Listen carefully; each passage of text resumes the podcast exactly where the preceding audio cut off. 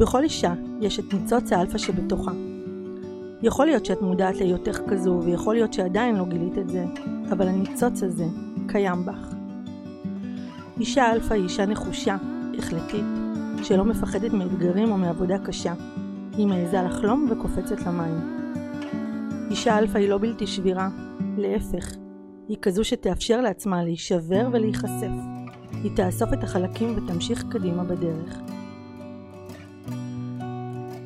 אני מיטל קומפינסקי, יועצת מנטלית לנשים חזקות, נשות האלפא, ובפודקאסט הזה אני הולכת להכיר לך נשים יוצאות דופן ומעוררות השראה בתחומן, ולהראות לך שבכל אחת מאיתנו קיימת האישה האלפא.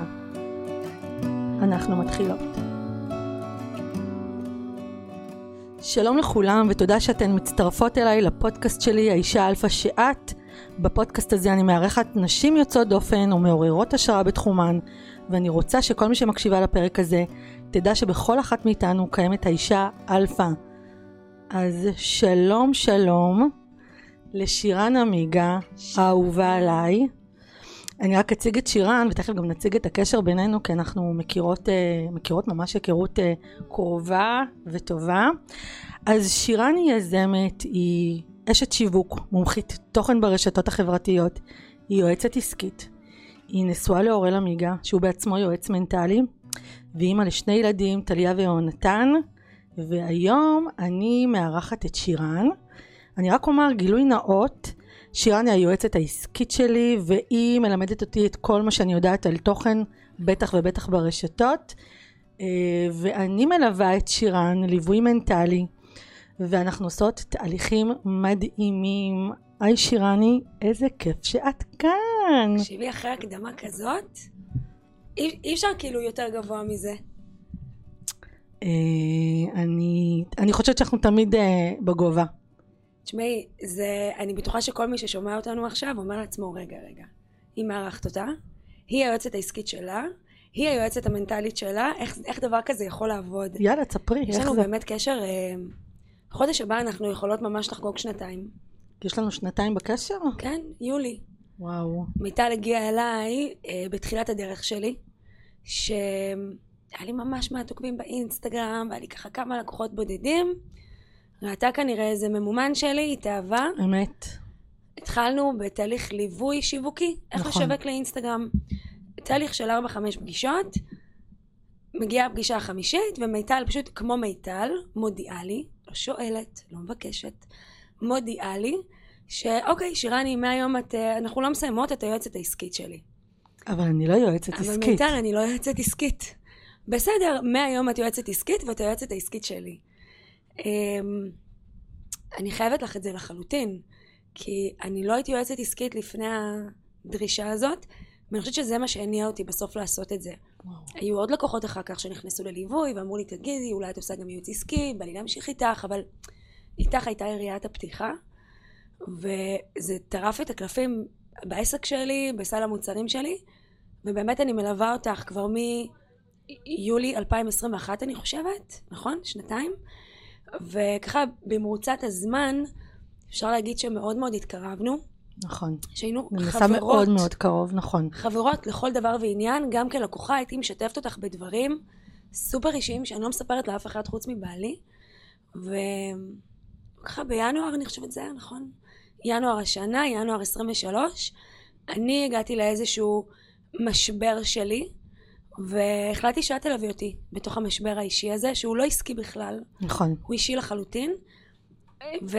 ואני זוכרת שאמרתי לך, תראי מיטל, אני רוצה שאת תלווי אותי, אבל את לא עונה לי עכשיו, את הולכת לישון בלילה. אמת, נכון. ואם את צריכה, תתייעצי עם איתן, בעלה של מיטל, שאני יודעת שאתם מתייעצים המון על דברים, וסומכים מאוד אחד על השנייה. תתייעצי עם איתן, ו... אל תתני לי תשובה עכשיו, תתקני אותי מחר. ואז באמת למחרת דיברנו, והחלטנו שכן, הולכים על זה, הולכות שאנחנו על זה. יודעות להפריד. שאנחנו מסוגלות לעשות את ההפרדה, Mm. ואיפה שהיה צריך באמת גם הפרדנו, פגישות במקומות שונים, נכון. כאילו שעות שונות, ימים שונים, שכן תהיה הפרדה. ואני בטוחה שכל אחד ששומע אותנו עכשיו אומר, איך לעזאזל זה יכול לעבוד? בלי בעיה בכלל. אבל זה פשוט עובד. זה נכון. פשוט עובד. נכון. זאת אומרת, אני מרגישה, אנחנו יכולות גם להיות בפגישה עסקית, שאני יושבת איתך על האסטרטגיה שלך, ולצאת באותו ערב עם, עם הבני זוג ואסנת, ה- הצלע השלישית. הצלע השלישית, זה מה שהיה חסר לי, הצלע השלישית במשולש, ולמחרת לעשות גם אה, פגישה מנטלית בשבילי, וזה פשוט עובד. אה, יש לנו קשר חד פעמי. אני, קודם כל אני ממש זוכרת את ה... אני, אני יותר מזה, אני אומר שאת שירן אני פשוט, היא קפצה לי באינסטגרם, אני תמיד אומרת לה, זה כאילו היא עלתה לי מהאינסטגרם, כמו איזה ים סוף כזה, פתיחת ים סוף, וראיתי מישהי, וידעתי שתהיי בחיים שלי, ידעתי שתהיי משמעותית בחיים שלי. מה שלא כולם יודעים פה זה שאני מאוד עובדת עם אינטואיציות. אמ, הם עדיין לא יודעים את זה? הם לומדים להכיר אותי. מי זה. מיטל אינטואיציה כן, קומפינסקי. והאינטואיציה מנחה אותי, והכרתי אותך, וכשפגשתי אותך בפגישה הראשונה, ישבנו בבית קפה, ואני ידעתי שאת לא עוד אשת תוכן, יש בך משהו אחר. יש בך משהו אחר, ואפילו אמרתי לך, זה, יש לך יכולת לעשות אסטרטגיות תוכן מטורפות. כאילו, אל תקטיני, אני ממש זוכרת את, ה, את המבט שלך, אני זוכרת את עצמי מאוד בתחילת הדרך. שומעת משפט כזה, ונבהלת קצת ונבהלת. אפילו, נכון. כאילו, מה? לא, לא. שלא תצפה עכשיו לאיזה... אני לא, אני בתחילת הדרך שלי. לימים, מיטל כמו מיטל צדקה. האינטואיציה שלך תמיד בסוף קולעת. אמ, אני זוכרת שנבהלתי מהמשפט הזה. הנה, היום את אה, שנתיים אחרי, וזה בול מה שאני. וזה בול מה שאת, זה הכי מדויק שאת, ואני חושבת שפשוט אה, קלטתי, קלטתי בפנים עמוק מאוד. מה שאת מתארת פה, אוקיי, אז קודם כל אפשר לדבר על זה שאנחנו יודעות לעשות הפרדה, כי אני גם תמיד אומרת לאנשים שמגיעים סתם לדבר איתי שיחת קפה. שיחת קפה היא לא תהליך מנטלי, היא שיחת קפה. אף פעם תהליך לא יכול להיות שיחת קפה. וכשנכנסים לתוך תהליך, למשהו מאוד עמוק ומאוד מקצועי, עם מטרות ויכולת לנתח קושי ולפרק אותו ולשקף, זה נראה אחרת. נכון. ואני מבינה את החשש, כי הרבה פעמים אנשים אומרים לי, "אבל אנחנו מכירות, זה לא יפריע? לא, זה לא מפריע. אני יודעת להיות מקצועית ולשים את הדברים נכון. בצד, לנקות את הכל ולהתחיל אה, להתחיל בתהליך. אבל אני כן חושבת שצריכה להיות אה, אולי צריכים להיות אה, גבולות גם האנשים, גבולות גם גזרה. גבולות, גם גבולות מאוד מאוד חשובים של מתי מתחיל, מתי מתחיל סשן, מתי נגמר סשן. אה, זה גם צריך להתאים לאנשים מסוימים, כמו שאת יודעת אני לא מלווה כל אישה, אני מלווה נכון. נשים מאוד מאוד מאוד מסוימות. אה, לקח לי זמן להבין איזה נשים אני רוצה ללוות, וזה גם היה משהו יחד איתך בתוך התהליך. ו... וידענו לעשות את זה ואני חושבת שכל מי שחושב ששיחת קפה היא תהליך ואנשים לפעמים מנסים לחטוף איתנו פה איזה שאלה קטנה, פה וואו, איזה, זה קורה לי המון. פה איזה התייעצות על ה... תראי את לא ההודעות עוזר. שלי באינסטגרם, אנשים כל כך כאילו באים ושופכים עליי את כל ה... מה לא עובד להם, מה כן עובד להם, מה הקשיים שלהם, מה ההתלבטויות שלהם, ותמיד אני אומרת, תראי, אין, אין, זה שטוח מאוד. אני קוראת, אני אענה באהבה, אבל קחי בחשבון, אני לא מספיק מכירה אותך. נכון, אני לא מכירה את העסק שלך, אני לא מכירה את האני מאמין שלך, את הערכים שלך, נכון. את הסיפור, למה פתחת את העסק שלך, את הסל מוצרים, את כמה כסף את רוצה להרוויח וכמה שעות עבודה את מוכנה לעבוד. אז קחו בערבון מוגבל את כל מה שאני עונה לכם באינסטגרם. זה, זה, כללי לא... מאוד, אני לא באמת יכולה מאוד. לבן אדם נכון. מה לעשות עם העסק שלו על בסיס התכתבות באינסטגרם. אבל הדבר המדהים הוא, ואני רואה את זה כל הזמן, קרה לי הבוקר, מישהי, ישבתי בקפה, עשיתי הכנה לפרק, ופנתה אליי מישהי בקפה, אומרת לי, ליטל, אני ממש מעריצה אותך, אני מתה לשבת איתך איזה יום לקפה, ואני עוקבת אחרייך ואני מקבלת הרבה מאוד השראה. אז אני אומרת, כן, תראי, אנחנו עושות את התהליכים שלנו, ואחד על אחד עם לקוחות שלנו, ותהליכי עומק, אבל הפודקאסט הזה, אני יצרתי אותו מתוך הבנה שלא כולם יכולות להגיע אליי ולא כולם יכולות להגיע אלייך, אבל אני רוצה שהן יבינו כל מיני קווים מנחים שתלויים בהן, שתלויים ביכולת שלהם, במוטיבציה שלהם. קודם כל בכלל לפתוח את הראש. נכון, את יודעת, לפעמים אנחנו נורא מקובעים, נכון, בין אם אה, זה עסקים שלקחו נגיד ליווי עסקי או לא לקחו, לפעמים אנחנו נורא מקובעים על דרך מסוימת, ופתאום לשמוע רגע זווית אחרת של נכון. בן אדם, זה פותח לך את הראש נכון. לכיוונים אחרים. אה, זה יכול להיות ספר, זה יכול להיות פרק בפודקאסט, זה יכול להיות סדנה או הרצאה שאתם משתתפים בקורס דיגיטלי שרכשתם, אבל משהו נפל, אגב, גם סרטונים באינסטגרם, הרבה פעמים כותבים לי, את לא מבינה איזה אסימון הפלת לי עכשיו. בסרטון של דקה וחצי. כי זאת ההגבלה נכון, באינסטגרם, נכון. וכנראה שטוב שכך. כן, לפעמים אתה, זה מטורף, כמה, פשוט פותח לך השפעה. לפחות את הראש. נכון, וזה שנפתח משהו, שנפל אסימון, זה ההתחלה הכי חשובה. זאת אומרת, זה התחלה של דרך זה הזרע. שיכולה, בדיוק, זה הזרע שבוע ששותל דיברתי על באדמה. הזרע, ששותלים אותו באדמה, ומשקים ומשקים. נכון. הוא לא גדל מהר, הוא צריך אהבה, דישון, מים, התמדה, סבלנות. אמ, יאללה, מעניין, בואי נתחיל לצלול, שירני. יאללה. אז בואי נספר לכל מי שמקשיבה לנו, שבתוך התהליך שלי, הרי אין עסק שמתחיל והוא נשאר אותו דבר. אם הוא נשאר אותו דבר, משהו קורה בתוך העסק, הוא לא גדל, הוא נשאר אותו דבר. אמ, ועסק כמו בן אדם צריך להתפתח. ומה שקרה בתוך ההתפתחות העסקית שלי, אה, זה שבשלב מסוים הבנתי שיותר ויותר נשים מגיעות אליי, שהן מאוד מאוד דומות לי, נשים חזקות, נשים אה, ש, שאפתניות, נשים שרוצות להצליח, נשים שמוכנות לשלם הרבה מאוד מחירים עבור ההגשמה שלהן. את יודעת שזה לא צירוף. מקרים. זאת אומרת, נכון. מה ש... הדבר הראשון שאני אומרת על שיווק באינסטגרם, אם אתה עושה את זה בצורה אותנטית, אתה אוטומטית ממגנט אליך את מי שדומה לך? מי שדומה לך. נכון, או את מי שהיה רוצה נכון, להידמות לך. נכון, נכון, או נכון. זה או זה. לא יבואו אליי נשים אה, לעקוב אחריי, שמחפשות... אין ערכים אה, דומים, בדיוק. נכון. לא יגיעו פשוט. נכון. לא סתם קורה לי הרבה פעמים בקבוצות, שמגיעים אליי לתוכנית קבוצתית, אז הן ממש אומרות, וואי, איך את בוחרת בקפידה, ואיך הן מתחברות כל כך מהר. לא צירוף מקרים, מי שהגיע לכאן, זה מי שמתחברת לעולם הערכים שלי, נכון, ועדיין יש ואז הן מסננת. יושבות ביחד באותה כיתה או באותו חדר ישיבות, והן לא מאמינות איזה חיבור יש. ברור. נכון, לא סתם את ממגנטת אלייך אלפות. את אלפא בעצמך, את מבינה? זה לא, לא צירוף מקרים. או כאלה שנורא היו רוצות נכון. להיות אלפא, ושם נכון. כאילו זה יכול קצת גם להכאיב לפעמים, אבל אין מה לעשות. זאת אומרת. אנחנו צריכות להיות אנחנו ב-250 אחוז. לגמרי, לגמרי, לגמרי, לגמרי. ובתוך התהליך שלי ובתוך ההתפתחות שלי בתוך העסק, התחלתי עם אה, עבודה עם הרבה מאוד סגנונות של נשים, שמאוד נהניתי לעבוד איתן, אבל הבנתי, א', שמגיעות אליי נשים שהן יותר ויותר דומות לי, והבנתי שבא לי לעורר השראה בנשים אחרות, להראות להן שגם הן יכולות. ומה שיצא זה שתוך כדי תנועה בניתי מודל, שאני קוראת לו מודל האלפא, שהגיע בדם, יזע ודמעות, כי לא היה מדויק. אני זוכרת שהייתי יושבת איתך ומדברת איתך בחדר, ואומרת לך, שירן, חסר לי משהו, חסר לי משהו, ולקח לנו זמן לפצח את המשהו הזה.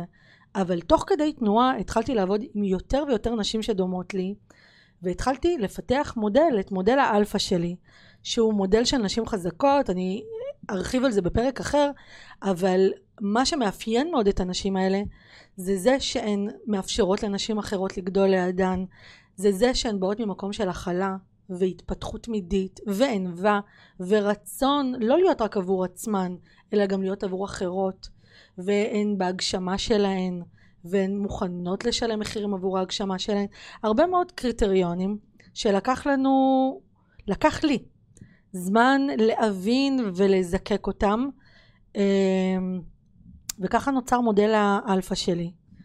אה, והיום אני הזמנתי אותך אה, למפגש הזה פה להקלטה כאן לא רק כדי לדבר על המקום העסקי שלך כי הוא מאוד מאוד מעניין אבל את מאוד מרתקת כאישה כי את לגמרי יושבת על המודל על מודל האלפא שלי זה היה ממש קטע, אגב, לראות את זה, כאילו, אם הייתם יכולים להיות זבוב על הקיר, ברגע הזה שאנחנו יושבות על הבידול העסקי של מיטל, ועל הפיצוח של קהל היעד, שזה באמת מה שהביא לפריצה הכי גדולה בעסק, נכון הדבר הכי נכון, משמעותי, ואני נכון, תמיד נכון, אומרת את נכון. זה, אמ, שאנחנו יושבות.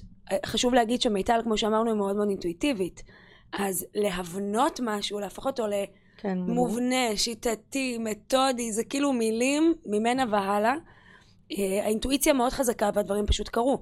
אבל ה- לשבת ולאפיין את זה, ואז לקלוט שמה שאנחנו מאפיינות זה מיטל, וזה שירן, וזה עוד איזה שתי נשים שהכרנו. אמרנו, בואנה, זה זה. זאת אומרת, אם אנחנו נכון. יושבות עם רשימה, עם צ'קליסט כזה, נכון פשוט יכולות לסמן וי אחד אחרי השני.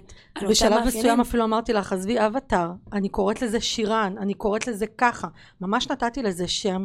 זה עשה לי אה, בעסק, בתפיסה העסקית שלי, מהפך, ממש מהפך, ואיזה קל ליצור תוכן אחר כך. ממש, את יודעת ממש, בדיוק למי את נכון, מדברת, את נכון, יכולה נכון, להחליט שאת מדברת אליי, או אמת.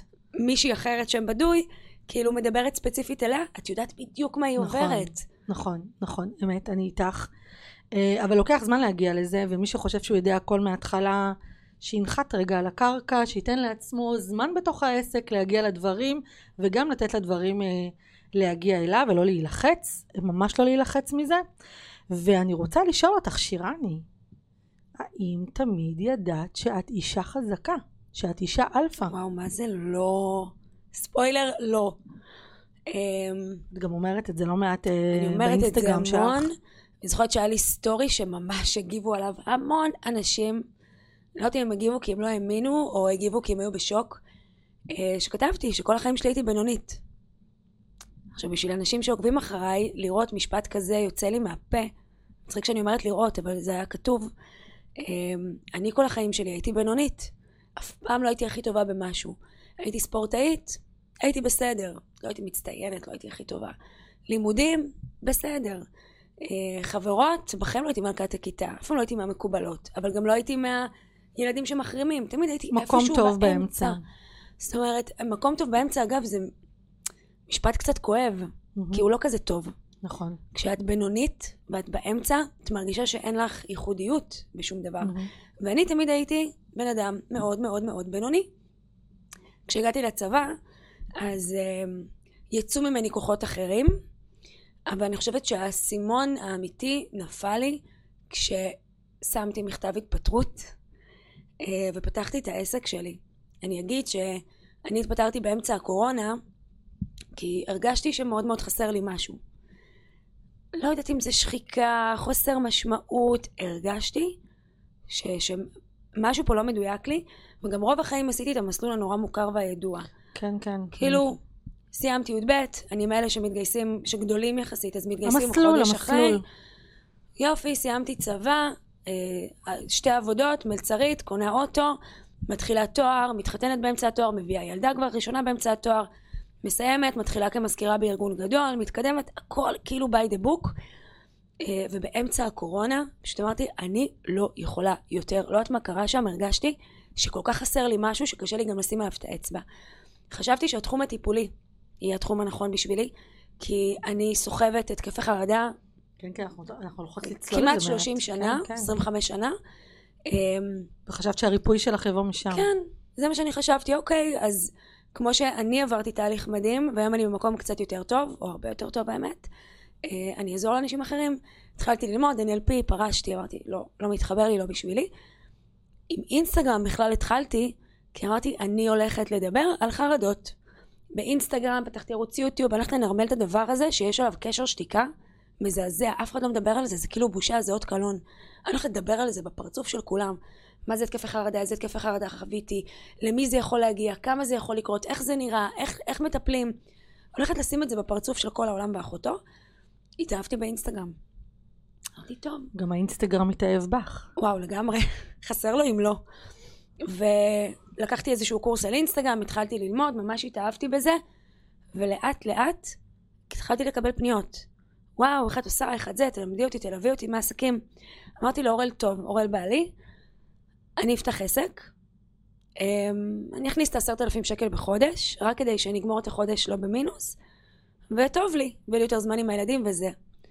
איפה החזון הזה, ולאן התגלגלתי? כיוונת נמוך. תקשיבי, בטח כיוונתי נמוך, הייתי בינונית בצורה בלתי רגילה, כל החיים, וואו. אני לא מכירה משהו אחר.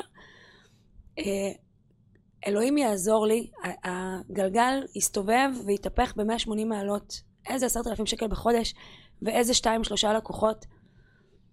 היה טירוף היסטרי באינסטגרם, ברמה שישר מביאה לך את תסמונת המתחזה.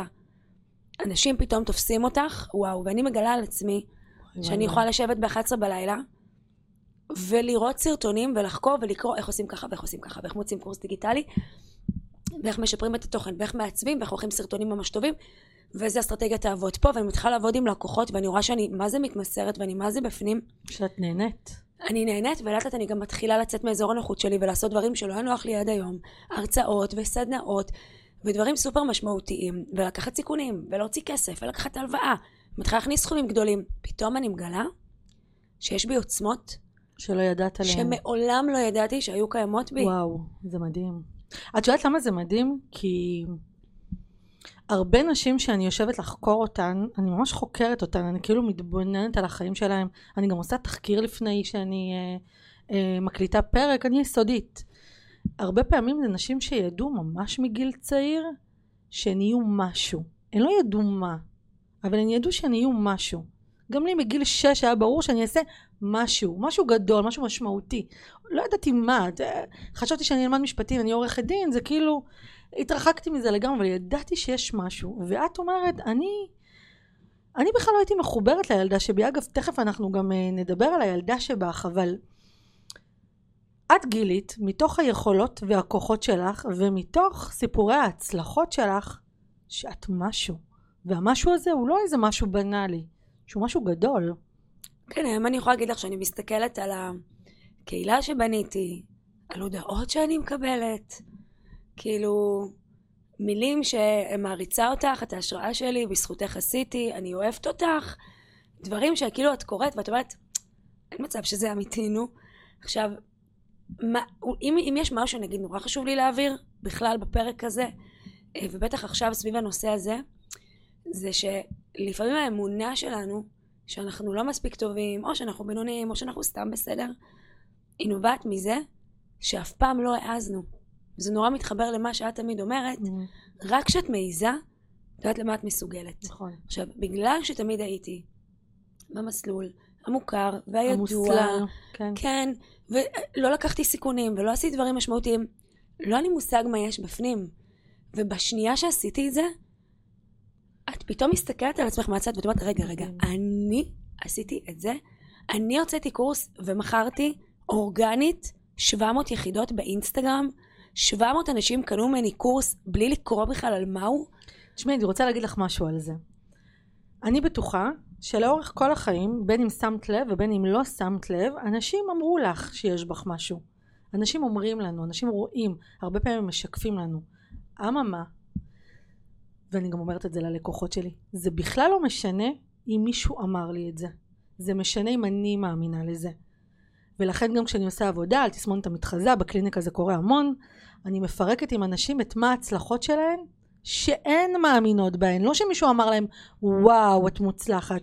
זאת אומרת שבשביל להאמין במשהו אני צריכה לראות אותו ואני צריכה להאמין שהוא מתקיים ולתפוס אותו כהצלחה. ברמה הסובייקטיבית, יכול להיות שלמישהו אחר זה, זה יראה משהו סתמי, אבל לי זה נראה הצלחה.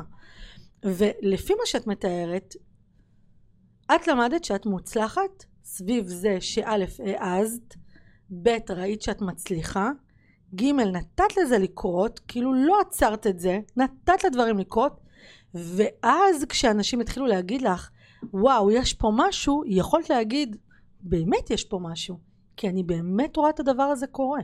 באמת יש פה משהו, הגיע האמת, קודם כל שהסתכלתי על עצמי. זאת אומרת... נכון. אני עשיתי את זה? רגע, זה, זה שלי? ואיך זה שאני עובדת עכשיו 15 שעות ואני לא מרגישה עייפה?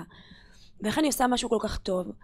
אמ, זה היה משהו ש... אני חושבת שעד עכשיו אני לא מעכלת עד הסוף, ובטח שהגיעו גם התגובות מאנשים, זה, זה עוד משהו שאתה אומר, וואו, אני, אני לא, לא מבינה איך זה יכול להיות. איך אני יכולה כאילו לקבל נגיד הודעות כאלה או להשפיע ככה, שאני כל החיים שלי הורגלתי, שאני... בוא נגיד שככה, אם אני אגיד את זה בעדינות הייתי בינונית, ואם אני אגיד את זה רגע בבוטות, לתחושתי הייתי ילדה שקופה. הייתי זאת שלא רואים אותה. זאת שמרצה, זאת שהיא בסדר עם כולם, אה, זאת שלא בולטת בשום דבר. הילדה הטובה, כמה זה... כן. כמה זה מסוכן. אבל הילדה להיות הטובה... הילדה הטובה. הילדה הטובה שלא... היא גם לא בולטת אף פעם. כאילו, את לא, את לא תדעי אם, אם נגיד שירן הייתה במסיבה או לא הייתה. נניח מסיבה בתיכון. הייתה, לא הייתה, שקופה. זאת לא... שלא בוחרים בה? תלוי במה, בספורט כן בחרו בי, כי הייתי, כי הייתי ספורטאית, אבל uh, לא, לא הייתי מלכת הכיתה, לא הייתי הראשונה שמזמינים אותה למקומות, uh, לא הייתי זאת שישר באים להתייעץ איתה, לא הייתה לי חבורה משלי, וגם לא, לי חבר, לא היו לי חברות הכי טובות. הייתי כזאת בסדר עם כולם. לא היה דברים רעים להגיד עליי רוב הזמן, היו דברים סבירים להגיד עליי רוב הזמן, כאילו, וזה סיפר לך את הסיפור שאת אני בינונית. חושבת שבגלל שאני הרגשתי שאני שקופה, אני סיפרתי לעצמי סיפור שכדאי לי ללכת במסלול הרגיל, כי אני לא יכולה, לא מסוגלת יותר. כי אם אני בינונית, אז אני. חבל לי להתאמץ. כן, חבל להתאמץ, הרי לא יעבוד. אני זאת שאמורה להיות במסלול כאילו ממוצע. אני החלטתי שאני בינונית. וההתפטרות שלי שהגיעה עם הקורונה והפתיחה של העסק והיעד המצחיק שהצבתי לעצמי, גם לא היה יעד, זה היה כאילו, אוקיי, מה אני צריכה כדי לגמור את החודש? לסמן וי שאני גומרת את החודש, יש לי ילדים לפרנס, יש לי משכנתה והתפטרתי, ואין לי שום דבר אחר ביד. זה צעד כאילו- נורא נורא אמיץ. אז תמיד אומרים לי את זה, ואני זה לא רואה צעד נורא אומץ. אמיץ, אני יודעת להגיד את זה, כי גם אני עשיתי את זה. פשוט באמצע הקורונה התפטרתי ואמרתי, יש לי משהו הרבה יותר גדול לעשות. לקח לי אפילו זמן להבין מה זה הדבר הגדול הזה, אבל הבנתי שיש פה משהו שהוא המשמעות האמיתית. וכשהיו אומרים לי את אמיצה, הייתי כאילו מסתכלת על אנשים ואומרת, מה זה אמיצה? אני לא יכולה אחרת. אני לא יכולה אחרת. יש פה משהו שהוא חזק ממני, שאני כבר מרגישה שאם אני מתנגדת לו, אני... יש פה פגיעה בקרמה שלי. אה, אז אני מאוד יכולה להבין אותך, את אולי לא קוראת לזה אומץ, אבל זה אומץ. האישה שהיום ניגשה אליי בקפה, מספרת לי ששלוש שנים היא מתה לעזוב את העבודה שלה ולהתחיל משהו. ואז שאלתי אותה שאלה, את, אם תשאלי את עצמך אם הדבר הזה שאת רוצה לעשות, את עשויה להיכשל בו, או שאת עשויה להחמיץ אותו, מה תעדיפי? אז היא אמרה לי, אני מעדיפה להיכשל. אז אני לא הייתי מוכנה להיות בהחמצה, ומה שאת אומרת זה שגם אצלך היה איזשהו רעב חזק מאוד למשהו, אגב, זו הייתה הפעם הראשונה בחיים. ששמת את עצמך אותי- בפרונט. אם היית שואלת אותי לפני חמש שנים, הייתי מעדיפה להחמיץ. הייתי מסבירה לעצמי ומתרצת לעצמי למה עדיף להחמיץ ולמה טוב לי להישאר כמו שאני היום.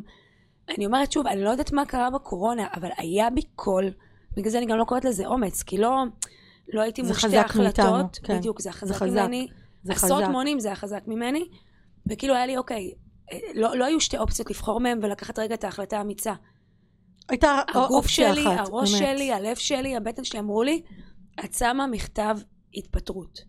שמתי מכתב, אמרו לי, יואו, איזה אומץ, וקורונה, ואנשים מפוטרים, אני לא יכולה. נכון, היה כל בי... העסקים נסגרו כל הזמן, וזה פי- כאילו, וואו. ללכת נגד, זה כאילו ראש בקיר, אבל אני כל כך מבינה את המקום הזה, כי, ואנחנו תכף נדבר על מה זו הגשמה בעינייך, אבל הגשמה זה משהו שהוא מאוד מאוד חזק, הצורך הזה לעשות משהו, אה, וזה רעב, רעב, ממש רעב חזק, ואני אומרת לפעמים, כאילו אני מדברת הרבה על הגשמה, ואנשים תופסים את זה רק כמשהו חיובי.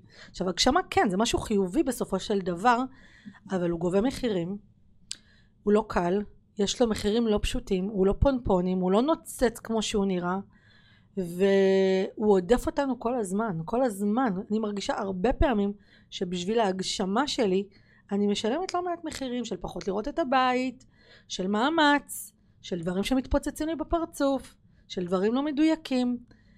אבל אני באופן אישי לא יכולה בכלל לעצור את זה, זה כאילו כבר לא כל כך תלוי בי ברמה הזו. אז עכשיו נשאל אותך, מה זו הגשמה בשבילך? אני חושבת שאם היית שואלת אותי מה זה הגשמה לפני כמה שנים, אז הייתי אומרת, אה, בית, משפחה, זוגיות טובה, ילדים. היום אני חייבת להגדיל את זה. כשאת נהיית אלפא, את אה, מגדילה דברים. את מגדילה את המטרות שלך, את מגדילה את ההגדרות שלך. אמ, אני חושבת שבשבילי הגשמה זה להיות אני ב-250 אחוז. האותנטיות והחשיפה והפתיחות ריפאו לי את הלב ואת הנשמה. זה המוטו שלי, חשיפה ו- היא ריפוי, וואו. זה המוטו, זה המוטו, זה שומר עלינו. תחשבי שמיליון שנה הלכתי עם מסכה על הפנים כי יש לי התקפי חרדה ואני שונה, מוזרה, תפוקה, למה אני לא כמו כולם, אני צריכה להסתיר את זה. לא יהיו לי חברים אם אני אספר את זה, אף אחד לא מבין אותי. עד כדי כך הרגשת? חד משמעית. ופתאום, ביום שבו התחלתי לדבר על זה, עזבי שגיליתי ששני שליש מהאנשים שסביבנו מתמודדים, התמודדו או התמודדו נכון, זה מאוד. נפוץ, מאוד. שני שליש לפחות. ואני יכולה גם להגזים ולהגיד 80, 80 אחוז מהאנשים באיזשהו שלב בחיים חרדה תפגוש אותם. אבל ברגע שהורדתי את המסכה מהפרצוף, אף אחד כבר לא יכל להחזיר אותה. אף אחד.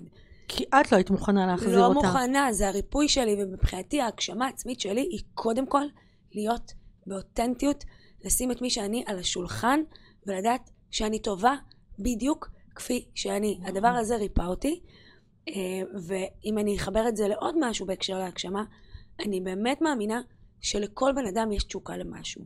נכון, לבן אדם אחד זה יכול להיות להכנה של תכשיטים, נכון. ולבן אדם אחד זה יכול להיות לעזור לאנשים זה עם מסר פוסט-טראומה. מדהים, זה מסר מדהים לכל מי ששומעת אותנו, כל מי לבן ששומע. אדם אחד לשירה, לנגינה, נכון. לבן אדם אחד לאפייה או בישול, לבן אדם אחר ל- להיות מורה ולעבוד עם ילדים או עם נוער. או להיות אה, משמעותית בתוך הבית כאימא. לחלוטין. אין, אין, אין, זה לאו דווקא בקריירה, אגב. גם להיות עקרת בית, יכולה נכון. להיות לך תשוקה מדהימה, כי תפקיד חייך הוא להיות אימא, נכון. ואת עפה על זה.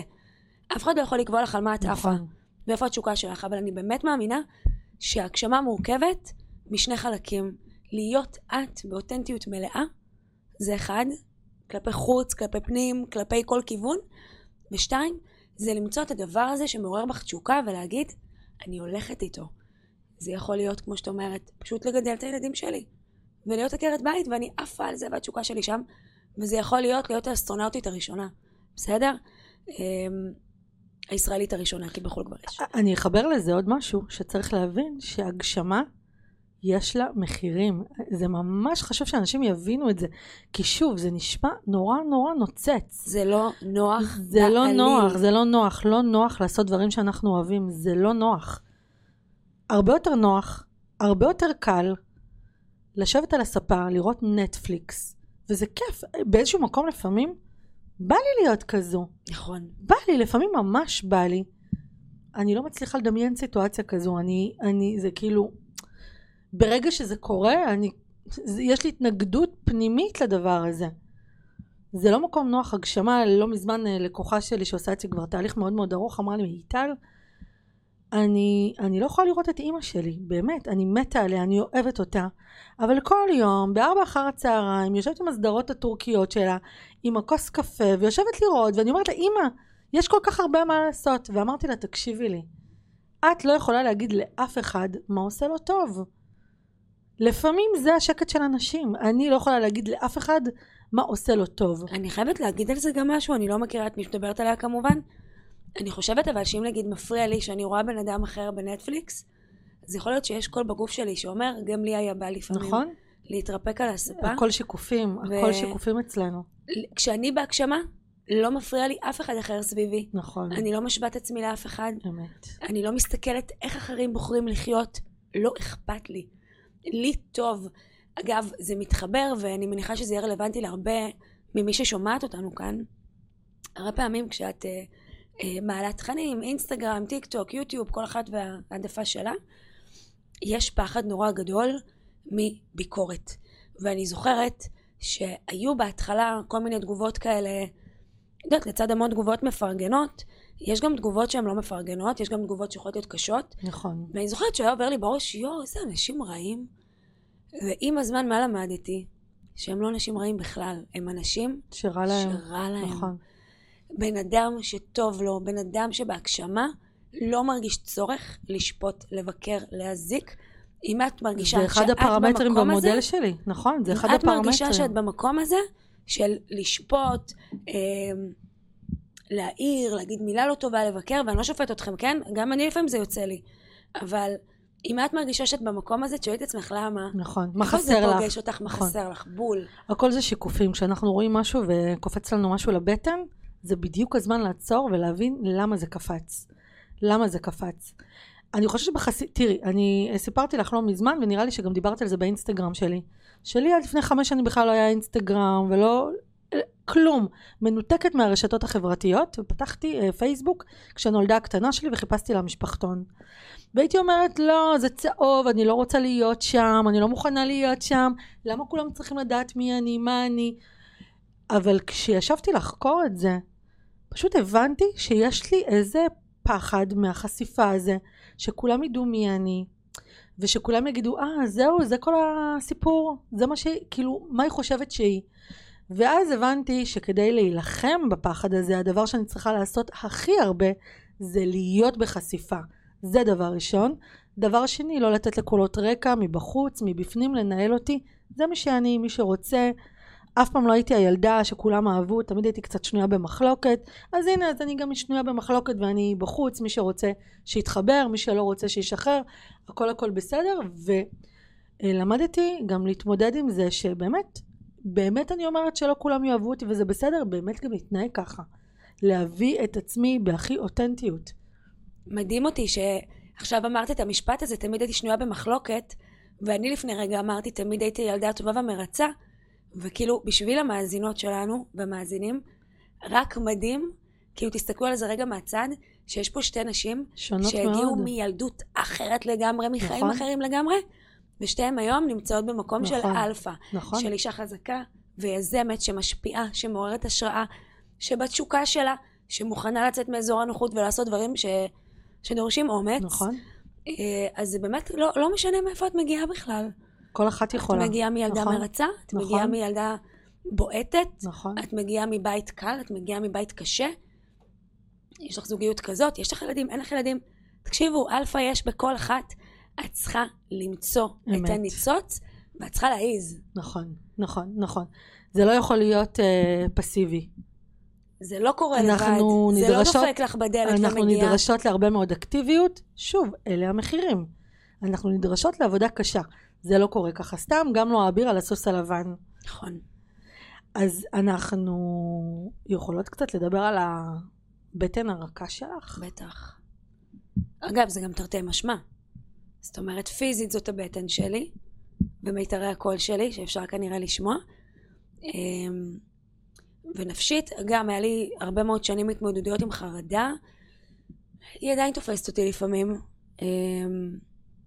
אני גם אשתף, כי הרבה שואלים אותי, הייתה לי תקופה שלקחתי ציפרלקס, הייתה לי תקופה שנגמלתי, והייתי בלי, והיום אני בתקופה שחזרתי לקחת. יש הרבה בושה סביב זה אגב, הגיע הזמן להפסיק גם את הבושה סביב אני זה. מרגישה שזה כמו אקמול, שכל זה מי שמסביבי. אה, ש- שותה ציפרלקס. נא לא לראות בפודקאסט הזה ייעוץ רפואי משום סוג, אבל... אה, לא, האמת שאני לא שותה, אבל אני רואה אנשים, גם רואה לקוחות שלי, ואני אומרת, אם זה מה שעושה טוב, בואו, כאילו... מישהו חייב לפרק את הבושה סביב הדבר הזה. נכון, למה כשכואב לי הראש אני לוקחת כדור, וכשאני מרגישה לא טוב אני לא נעזרת. אה, ושוב אני רוצה להגיד, שציפרלקס בפני עצמו לא עוזר. את עשית הרבה מאוד נכון. כדי לעבוד על המנטלי, על הרגשי.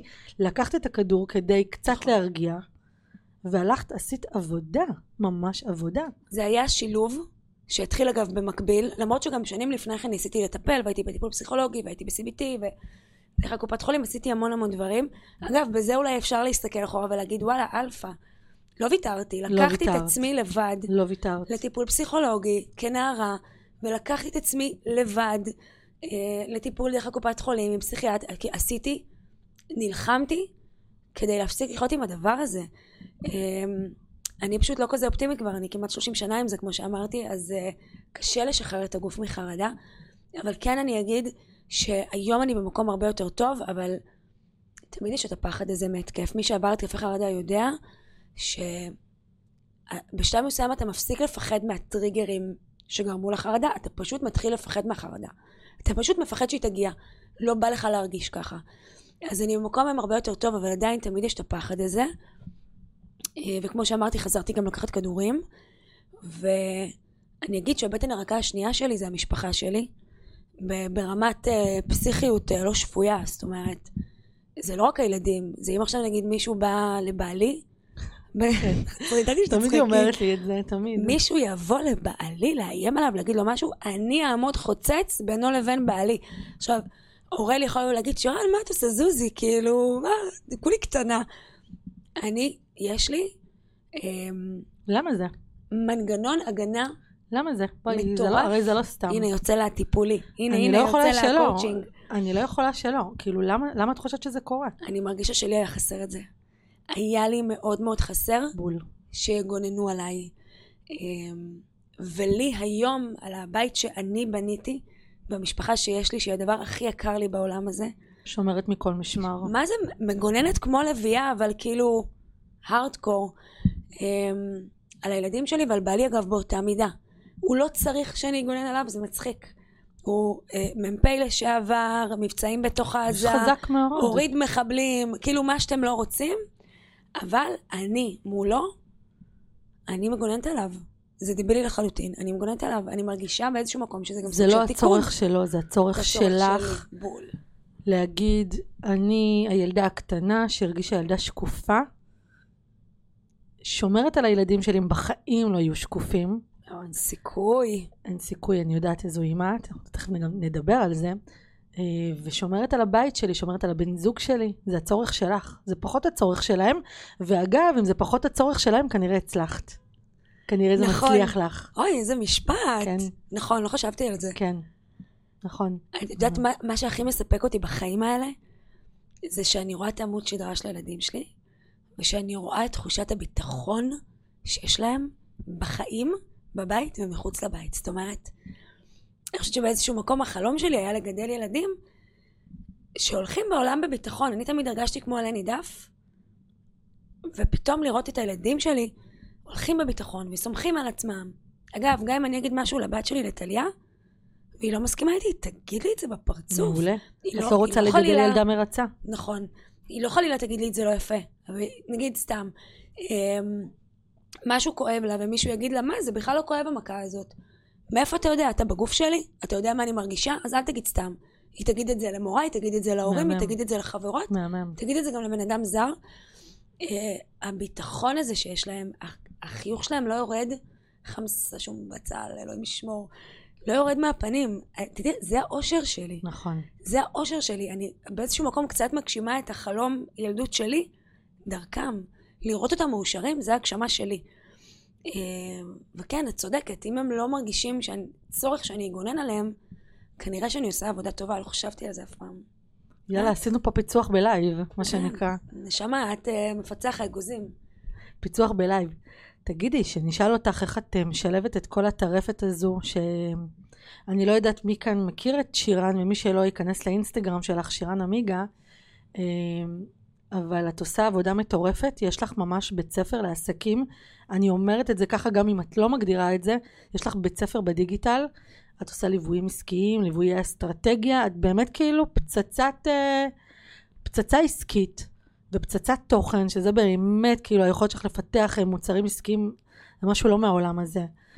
אה, אבל איך עושים את כל זה ומשלבים את זה עם אימהות? אני יודעת שזו שאלה שאני נשאלת עליה כל הזמן, ואני אומרת שאין לי נוסחה אחת שעובדת לי, אני כל הזמן בתנועה עם הנוסחה הזו, אה, בהתאם לעומסים שיש עליי, אה, ואני גם לא לבד בסיפור הזה, אבל תספרי לנו איך אה, שירן מתמודדת עם זה.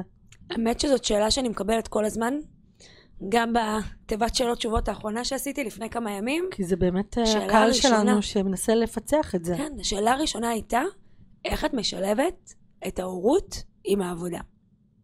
אני אגיד ככה, קודם כל, באמת מי שלא מכיר אותי כנראה לא יבין למה את אומרת את זה בצורה שאת אומרת את זה. אני מהפסיכיות שבונות קורס דיגיטלי בשבועיים, נכון, זה באמת ואני עושה מטורף. הכל לבד. זאת אומרת, נכון, אני נכון, כותבת, מצלמת, עורכת. מעלה, משווקת, דפי נחיתה. יש לי תקציב לשלם לאנשים אחרים, אני רוצה לעשות את זה לבד. כן, מופרט קצת, אנחנו מופרט. יודעות את זה. אה, יש לי באמת המון קורסים, המון מוצרים, בית ספר דיגיטלי, תוכניות ליווי, קבוצתיות, אישיות. אני מאוד מאוד אוהבת מה שאני עושה קודם כל, זה כאילו משהו שמאפשר לי לעבוד כנראה הרבה יותר שעות. אי אפשר לשלם את המחירים האלו אם אין תשוקה. אי אפשר, אפשר. אי אפשר, זה לא מחזיק, זה- זה זה- זה נופל, מתפרק. נכון, את אי לא אפשר. יכולה. אה, כשהייתי שכירה, נגיד, לא, בשבילי היה לעבוד תשע, עשר שעות, היה עינוי. אפילו שהיה לי אחלה בעבודה, כן, לא היה לי נכון, כזה זה רע. משהו אחר. אבל זה היה עינוי, והיום אני יכולה למצוא את עצמי עובדת 14 שעות, ויש לי אנרגיה טובה, אני עייפה, אבל האנרגיה טובה. אה, אני אגיד ככה, ודיברנו על זה, לא זוכרת אם דיברנו על זה, אבל דיברתי על זה בטוח באינסטגרם. תקשיבו, כשאת גדלה ילדה שקופה, ושאת גדלה ילדה חסרת ביטחון, ואני אגיד אולי גם לא מאוד אהובה כמו שהיית רוצה, את מבינה מה באמת חשוב בהורות. את מבינה מה באמת חשוב במשפחה. עכשיו, אני לא האימא שתתנדב להכין עוגה לגן. ואני לא האימא שתתנדב לבוא כהורה מלווה לטיול. ואני האימא שתפספס את ההרגשה של העבודה במדעים, סיפור אמיתי קרה אתמול, קיבלתי הודעה מהמחנכת, טליה לא הגישה עבודה קשה, במדעים. קשה להיות על הכל, באמת קשה. אה, ואני האימא שתשכח להביא את הילד עם חולצה לבנה ותשלח אותו עם חולצה כתומה, ותיתן תירוץ של שבועות חולצה כתומה כי זה מישמיש מישיבת המינים. זאת האימא שאני, אבל אני האימא שהילדים שלה יודעים שהם יכולים להגיד לה הכל והיא לא תשפוט. שהם אהובים בכל מחיר. שאימא מגוננת עליהם ושומרת עליהם ונמצאת שם בשבילם. אימא שמאמינה בהם ומאמינה במסוגלות שלהם. אימא שנותנת להם אר- ארגזים של חום ואהבה. אה, וגם תישן איתם כל לילה, אם צריך. אה, וזה מה שחשוב באמת. אז אני עושה המון ויתורים. אני נורא רוצה לעשות חוג, חוג אימא כל שבוע. זה בא בגלים, יש תקופות שאני מצליחה, יש תקופות מודה, שאני לא. לא מצליחה, חודשיים לא עשיתי חוג אימא. לא לא מצליחה. נכון ולא נכון, יש מה שעובד עבור בית בדיוק. ומשפחה.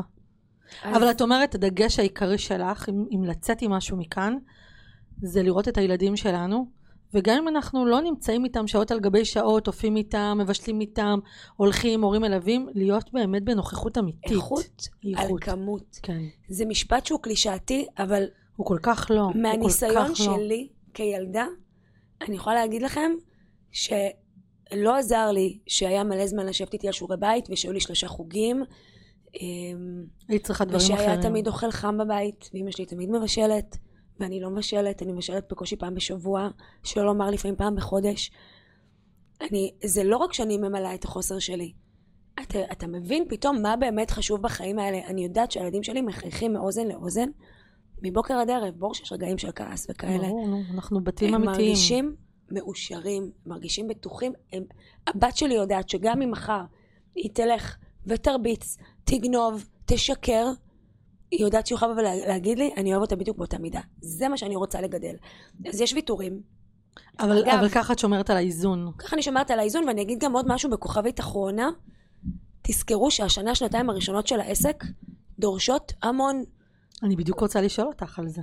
יופי. אז זה אני בדיוק כמו... את, את ממש מרימה לי להנחתה. את רוצה לנסח את השאלה ואז אני... אני אפילו לא, כי אנחנו לא, אנחנו בטבעיות פה. אני רק אסכם, אני אומר שאת אה, אה, מדברת על השילוב שעובד עבורך, והוא נכון לך, שאת אומרת, לא תמיד זה הרבה שעות, אבל זה שעות מאוד איכותיות, והקשר מבוסס על קשר של ביטחון, ביטחון שלי בהם וביטחון שלהם ביטחון ואהבה בלי תנאים. בי, בלי תנאים. אני כן אגיד אבל בכוכבית משהו נוסף. אין לי נגיד פגישות בערב, אין חיה כזאת. כן, זה העסק קו שלי אדום קיים שלך. שנתיים, מעולם לא קיימתי פגישה אח... שהסתיימה מאוחר יותר משעה כן, שלוש. אצלי זה אגב לא קרה. זה... אין חיה ה- כזאת. תחילת העסק אצלי הייתה עם פגישות מאוחרות. טוב, שילבתי את זה גם עם עבודה, את יודעת את זה. נכון. שנה הראשונה הייתה משולבת עם אבל עבודה. אין, אין, אין. לא משנה כמה תשלמי לי עכשיו על פגישה. עשרת אלפים שקל לפגישה, אני לא עושה פגישה בארבע אחרי צהריים. לא יקרה, זה הילדים הקו שלי האדום בבית. שלך. מהמם, אה, זה זה חשוב. הקו האדום שלי, אז- ואני לא עובדת אז- בשבת. בחיים, אין דבר את כזה. כניסת זה- שבת אני לא את עובדת. צודקת, כי אנחנו צריכים... זה לא רק עניין של דת, זה עניין גם של פאוזה לתת, לגמרי. כמו שינה מבחינתי. אתה עושה הפסקה כדי לאוורר את כל המערכת. נכון. אז אני, אם פתחת סוגריים, אז ממש ככה שאלה אחרונה לפני שאנחנו מסיימות את הפרק. כן, אנחנו יכולות אני לדבר עד מחר. מרגישה שאנחנו מדברות עשר דקות, לגמרי, מיטל. לגמרי, לגמרי. אני מתה. זה תמיד ככה. אז אני, את יודעת, אה, יושבות פה... תשרייני אותי עכשיו בבקשה לפרק אה, נוסף. תודה. זה יקרה, בוודאי. תגידי, יש פה נשים ששומעות אותנו, חלקן יהיו שכירות, חלקן רוצ- רוצות לפתוח עסק. אה, לפתוח עסק זה לא דבר אה, פשוט, אם כי תוך כדי תנועה לומדים איך לעשות את הדברים נכון, אבל כיועצת עסקית ואחת הטובות והמבוקשות מאוד, אני יודעת. אני יודעת, אני יודעת כמה. אה, איזה מסר היית מעבירה לנשים שעכשיו רוצות לפתוח עסק חדש? מה, היית. ממליצה להם? כמה המלצות ככה? קודם כל, הצעד הראשון, וזה בדיוק מה שאני עשיתי אגב, אחד לאחד, לפני שאתם יושבות על בניית מוצרים, משפך שיווקי, אסטרטגיה, אה, פתחו עמוד אינסטגרם, קחו איזה קורס דיגיטלי על אינסטגרם, רק להבין איך מעלים תכנים, איך מעלים תתחילו סרטונים, לבנות לכם קהילה. תתחילו לבנות קהילה. באמת. זה שיכירו אתכם ברשת, אני לא עשיתי את זה אגב, אני זה התחלתי הבסיס אחרת. להכל, נכון.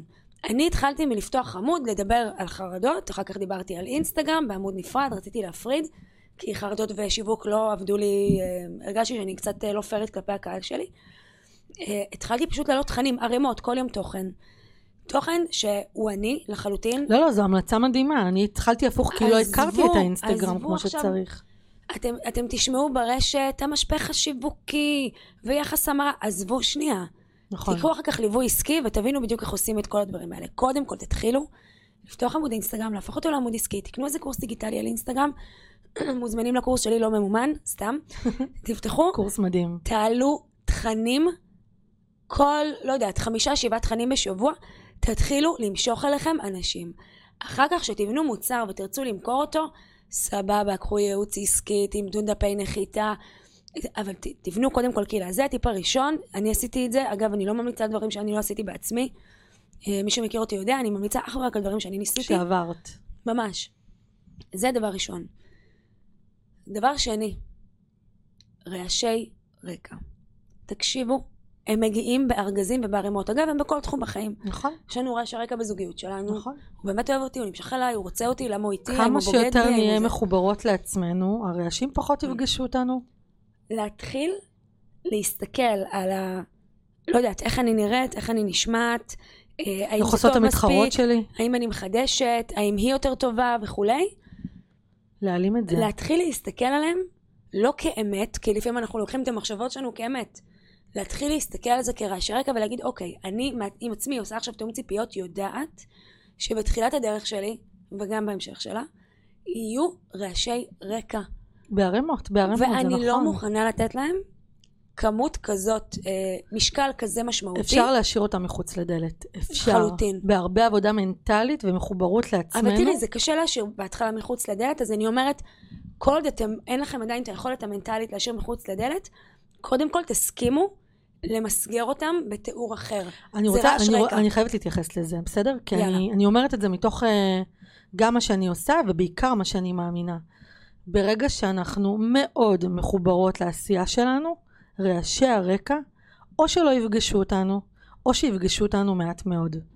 הם לא יצליחו לנהל אותנו, כנראה בדיוק, שזה הניסוח. בדיוק. כי גם אם הם ייכנסו, יש לנו את האג'נדה, יש לנו את הראייה, יש לנו את הדרך ולאן אנחנו רוצות להגיע.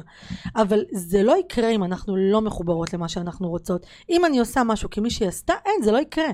יתפסו אותי כל הפחדים, כל הקשיים, כל החששות, כל ה... נכון. אז זה לגבי רעשי רקע, קודם כל למסגר אותם ככאלה, מהמם, מהמם. אה, לא לקחת אותם כאמת מוגמרת, אלא אני לפעמים שמגיע רעש רקע, אני אומרת, אוקיי, זה רעש רקע, חמוד. ממשיכה הלאה. אני ממסגרת אותו שם. אני לא יכולה להעלים אותו לחלוטין. בוודאי שהוא מצטמצם משמעותית כשאני בתוך התשוקה שלי, אבל אה, גם הוא מגיע לפעמים, מסגרתי. זה אחד. סליחה, זה הסעיף השני. אה, השלישי, ממש חשוב לי לדבר על השוואות. כי אני זה- מרגישה... זה, זה קצת חלק מרעשי רקע. אבל זה יותר עוצמתי. כי רעש רקע יכול להיות, וואי, אני לא נשמעת טוב, אני לא נראית טוב, אה, האם אני מחדשת, האם אני מעניינת, כשאני מסתכלת על אחרים כל הזמן, זה חלק מרעשי הרקע החיצוניים שמפריעים לי. אבל יש לזה בעיה נכון, ממש מאוד. מהותית. אני נכון. חושבת- זה, זה פוסט אגב שכתבתי ועוד לא העליתי, אז זה לא נורא, הפרק הזה לא עולה לא למחר מחרתיים. מעולה. שבעצם מה שאני אומרת שם, זה בכל מה שקשור להשוואות, הנזק הוא הרבה יותר גדול ממה שאתם מדמיינים. לא רק בגלל שזה פוגע לי בביטחון, לא רק בגלל שזה מבאס אותי, לא רק בגלל שזה מכאיב לי, לא רק בגלל שאני מקנאה, שאגב, לקנא זה טבעי, זה גרוע מאוד מהסיבה שזה מסיט את הפוקוס שלי מהדרך שלי לדרך של מישהו אחר. נכון. עכשיו, כשאני לא בפוקוס על הדרך מאבדים שלי, כל כך הרבה כוח אנרגיה. כשאני לא בפוקוס על הדרך שלי, אני לא יכולה להשיג את המטרות שלי. נכון. אני לא על הדרך שלי, אני לא על העשייה שלי, אני על עשייה של מישהו אחר. הפוקוס שלי עכשיו זה על התוכן שלה, על המוצרים שלה, על העוקבים נכון, שלה, על נכון. הבידול שלה. איבדתי את הדרך שלי. איבדתי את הדרך שלי, נקודה. ואם איבדתי את הדרך שלי, תשכחי מלהוציא מוצר חדש, מלהצליח ליצור תכנים. את לא תש- יכולה. תשכחי, תשכחי ממנטלית לדעת להשתחרר מזה, זה קושי מטורף. אני באמת רוצה מטורף. שכל מי שומע אותנו תשמע את זה, ותקשיבו, יש לי ניסיון. אני יכולה להגיד שעבדתי עם אנשים שהם כאילו מאותה נישה, אנשים שונים, מנישה מאוד מאוד דומה, בין אם זה קואוצ'רים, מאמנים, מאמני כושר, מעצבות פנים. תקשיבו, אנחנו ב-2023, אנשים מחפשים קודם כל את החוויה האנושית ואת הפן האנושי. אי אפשר להיות זהים אחד לשני, ולכן בהכרח אין פה תחרות. נכון. זאת אומרת, אין, יש אין, אנשים... אין, אין תחרות. יש אנשים שיראו אותי ויגידו, וואי, אני מה זה לא מתחברת למה שהיא אומרת. ויש אנשים שיראו אותי ויגידו, וואו, זה בול מה שהייתי צריכה לשמוע.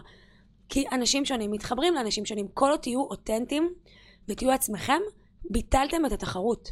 ביטלתם, אין, היא לא קיימת. נכון. ולכן כל ההשוואה הזאת, אין לה תוחלת, אין לה, אין לה בסיס, אין, אין טעם להשוות.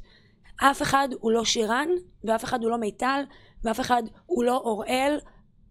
אין דבר כזה. אני חושבת שצריך באמת באמת באמת הרבה יכולת לצלול פנימה ולדבר פנימה את עצמנו. ומי שמרוכז בעצמו לא ממקום של אגו ואגואיזם ואת יודעת נרקסיזם, אלא ממקום אמיתי של מחוברות פנימה יודע לעשות את זה. ומי שלא, שילך להתאמן בדבר הזה. להיות אל מול עצמו, להכיר את עצמה, לדעת מה היא אוהבת, להתחבר לעצמה, ואז זה יצא החוצה. כל אותי אותנטית, הרווחת נכון. חלק נכבד נכון. מהבידול העסקי שלך, לא את נכון. כולו, חלק נכבד, ושם מתבטלת התחרות. נכון. ודבר אחרון לסיום, יש לי עוד כן. חמש שניות. יש לך עוד חמש שניות. שיווק זה ריצה למרחקים ארוכים. אמת. מי שמוכר לכם, שיש לו שיטה בשבילכם, שתוך חודש יקרה לכם ככה וככה, ותוך שבוע, אין. שיווק זה ריצה למרחקים נכון. ארוכים. יש אנשים שעוקבים אחריי שנתיים, והפכו להיות לקוחות שלי לפני שלושה חודשים. נכון? זה כמו, לוקח זמן לחמם, כוח כל אחד מצטבר. נכון. כמו כדור שלג שמתגלגל, העיקר שתמשיכו להיות בתנועה. נכון. הוא ימשיך להתגלגל ולגדול, ואתם תראו שהתוצאות שקיבלתם היום, הן לא דומות לתוצאות שיהיו לכם עוד חמישה חודשים, ועוד שנה ועוד שנתיים, בהנחה שתמשיכו לנוע ולהיות עקביים. נכון. אז לזכור שזו ריצה למרחקים ארוכים, ולפעמים אנחנו עובדים ומעלים תכנים ועושים, ואנחנו עוד לא רואים תוצאות, וזה פחד אלוהים, ולא להתייאש מזה. וזה תסכול של נכון, החיים. נכון. אתם לא יודעים איפה תהיו עוד כמה חודשים אם רק תמשיכו. ואיפה האפקט של הדבר הזה. וואו, נכון. אפקט משוגע. זה ריצה למרחקים ארוכים, לזכור את זה. אם אתם נערכים לספרינט, אתם לא תגיעו לשום נכון, מקום. אם אתם נערכים לגמרי. למרתון, באמת. אתם יכולים להגיע סופר רחוק. נכון. אז שירני, אני רוצה להגיד לך תודה. אני ואת יכולות לדבר פה עוד שעות, ואנחנו לדעתי נעשה פרק המשך לדבר הזה. חסר לך שלא, אחרת את מפוטרת. אני מפוטרת ואת מפוטרת בעצמך. אה, אז תודה שבאת, היה בעיניי מדהים, מדהים, מדהים. אני גם יודעת שכל הזמן מסתכלים עליי ועלייך ואומרים, וואו, מה, מה מהות הקשר שם? יש שם איזה וואו. חיבור מטורף, וכל הזמן שואלים אותי על זה. אז הנה, מה שקורה כאן זה מה שקורה ביני לבין שירן. הכי אמיתי. הבן אדם הראשון, שהוא לא בעלי, שהאמנתי שאוהב אותי באמת, זה את. וואי, אהובה. הראשון, ואת פתחת לי את. הצ'קרה ל- לפתוח את הלב שלי לעוד אנשים. אין מרגש מזה, את מרגשת אותי. אז תודה לך שבאת. אותך. ותודה לכל מי שהייתה כאן. אני רוצה להגיד לכם תודה שהייתן איתנו בעוד פרק בפודקאסט שלי, האישה האלפא שאת. אם אהבתן את הפרק, אתן מוזמנות לדרג ולשתף אותו כדי שהוא יגיע לכמה שיותר נשים.